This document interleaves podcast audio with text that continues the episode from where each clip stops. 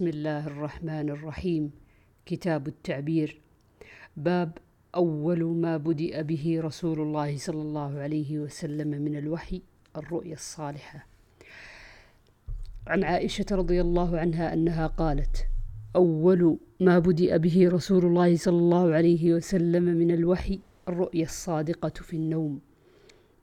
فكان لا يرى رؤيا إلا جاءته مثل فلق الصبح. فكان يأتي حراء فيتحنث فيه وهو التعبد الليالي ذوات العدد ويتزود لذلك ثم يرجع إلى خديجة فتزوده لمثلها حتى فجئه الحق وهو في غار حراء. فجاءه الملك فيه فقال اقرأ. فقال له النبي صلى الله عليه وسلم ما أنا بقارئ فأخذني فغطني حتى بلغ مني الجهد ثم أرسلني. فقال اقرأ.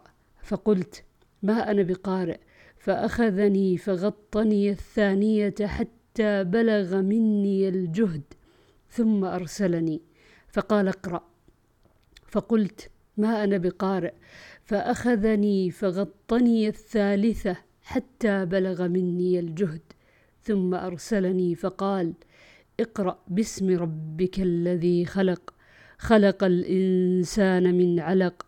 اقرأ وربك الأكرم الذي علم بالقلم. علم الإنسان ما لم يعلم. فرجع بها ترجف بوادره حتى دخل على خديجة. فقال زملوني زملوني. فزملوه حتى ذهب عنه الروع. فقال يا خديجة ما لي؟ وأخبرها الخبر.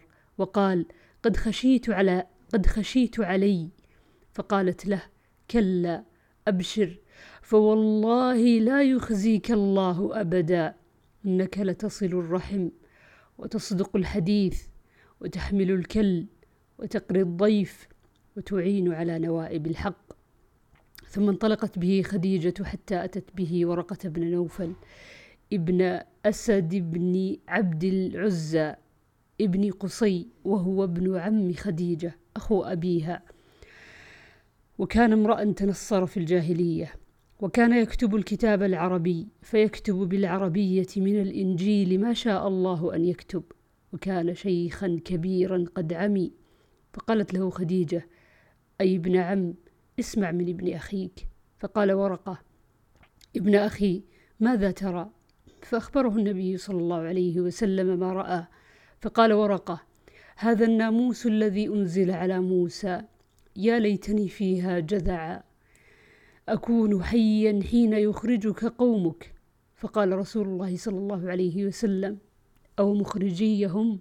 فقال ورقة. نعم لم يأتي رجل قط بما جئت به إلا عودي. وإن يدركني يومك أنصرك نصرا مؤزرا.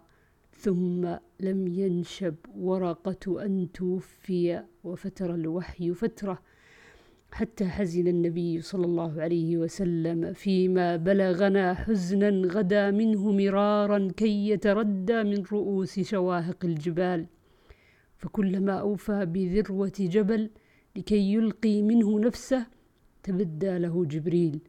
فقال يا محمد إنك رسول الله حقا. فيسكن, فيسكن لذلك جأشه وتقر نفسه فيرجع. فإذا طالت عليه فترة الوحي غدا لمثل ذلك. فإذا أوفى بذروة جبل تبدى له جبريل فقال له مثل ذلك. وقال ابن عباس فالق الإصباح ضوء الشمس بالنهار وضوء القمر بالليل. باب رؤيا الصالحين.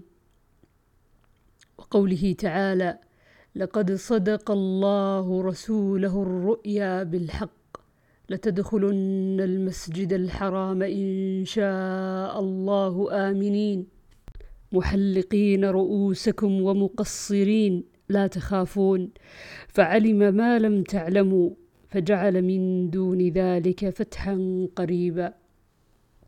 عن انس بن مالك أن رسول الله صلى الله عليه وسلم قال الرؤيا الحسنة من الرجل الصالح جزء من ستة وأربعين جزءا من النبوة. باب الرؤيا من الله.